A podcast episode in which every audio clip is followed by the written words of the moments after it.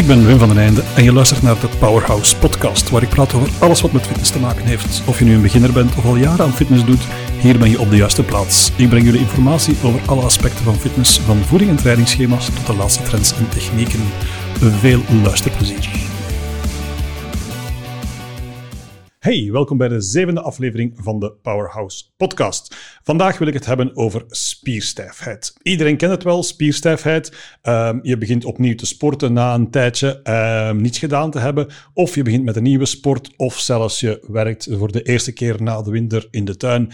En de dag erna, als je wakker wordt, merk je het van: oh, mijn spieren doen heel, heel veel pijn. Nu, als je de dag ervoor hebt uh, gesport, dan zou je misschien wel eens kunnen denken van yes, ik heb een goede workout gehad. Maar klopt dit ook? Wel, het antwoord is nee. Helaas is spierstijfheid geen indicator van een goede workout. Wat is spierstijfheid dan wel? Nu, als je uh, sport, je doet aan krachttraining, dan zorgt uh, de krachttraining, de training ervoor dat je microscopische scheurtjes krijgt in je spieren. En deze zijn ook nodig, want dit zorgt ervoor dat je spieren gaan herstellen en sterker en groter gaan worden. Wat het doel is van krachttraining, sterker en uh, gespierder worden. Nu, als deze spierscheurtjes ontsteken, dan, is, uh, dan heb je wat je ervaart als spierstijfheid. En eigenlijk wil dat zeggen dat je te veel gedaan hebt. Dus zeker niet dat je een goede workout hebt gehad, maar dat je te veel gedaan hebt of dingen die je lichaam niet gewoon zijn, zoals bijvoorbeeld de eerste keer in de tuin werken na de winter. Dus vergeet het als je zegt, als je stijf bent geweest, dat je een goede workout gehad hebt. Dat klopt niet. Je hebt gewoon te veel gedaan. Nu, soms is het ook niet anders mogelijk dan te veel te doen. Uh, stel je voor van uh, klanten die naar mij komen bijvoorbeeld voor de eerste keer, een uh, uur training, dan ga je altijd net iets te veel doen en dan ga je altijd te maken hebben met spierstijfheid de dag erna. Ik zeg dat ook tegen de klanten van kijk, uh, jullie betalen voor een uur, dus er wordt een uur getraind. We gaan ook een uur lang oefeningen doen. De intensiteit gaat heel laag zijn. Bijvoorbeeld squats uh, gaan we dan uh, drie, vier sets doen, zonder gewicht, gewoon met het lichaamsgewicht, acht tot twaalf keer. En toch gaan die mensen de dag erna stijf zijn, gewoon omdat ze niet gewoon zijn van die oefening te doen. Is het daarom verkeerd? Op zich niet. Aan te raden zou zijn dat ik de mensen minder laat trainen, maar ja, de mensen komen nu eenmaal voor een uur, betalen voor een uur en ze gaan de dag erna stijf zijn. Trouwens, de tweede dag is altijd de ergste. Als je s morgens na een training wakker wordt en je denkt van oei, ik ben stijf, de dag erna gaat het nog veel erger zijn. Dat kan ik je nu al zeggen. Maar nogmaals, het is geen goede indicator van een, uh, het is geen indicator van een goede training. Um, nu, hoe kan je um, voorkomen dat je stijf bent buiten dat je uh, zegt van uh, kijk, ik ga het rustig aan doen. Als je in de tuin wilt werken bijvoorbeeld, kan je het ook niet rustig aan doen. Hè? Je moet doen wat je moet doen. Als je terug gaat sporten, je gaat bijvoorbeeld, uh, ik zeg maar iets, badminton spelen, een uur, de dag erna ga je stijf zijn. Wat kan je nu doen om dat te voorkomen?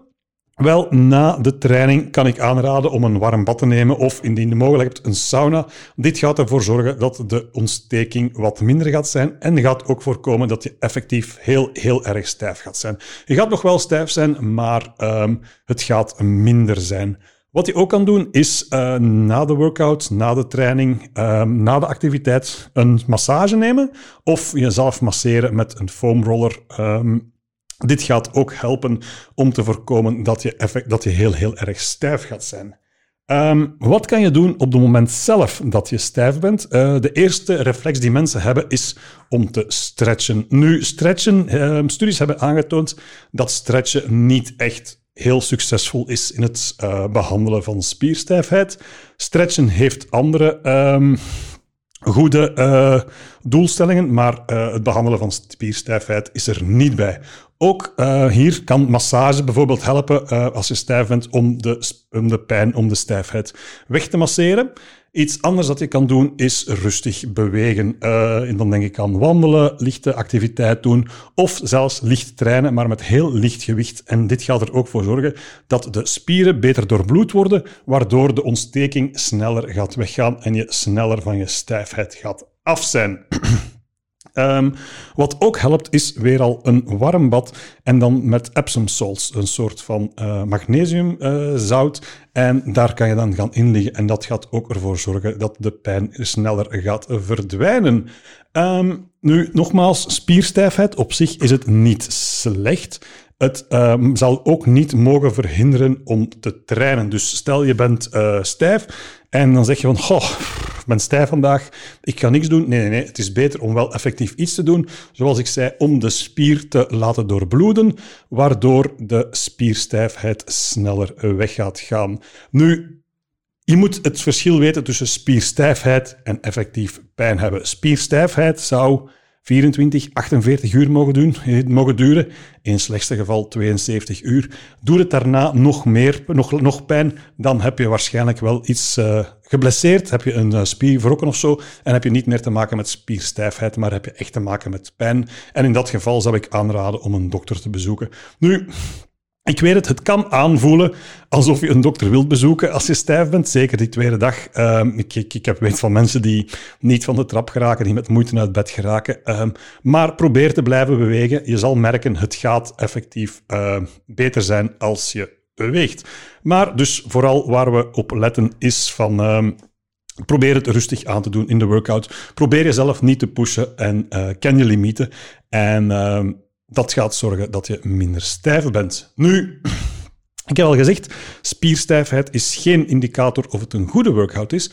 Is het afwezig zijn van spierstijfheid dan een indicator dat je geen goede workout hebt gehad?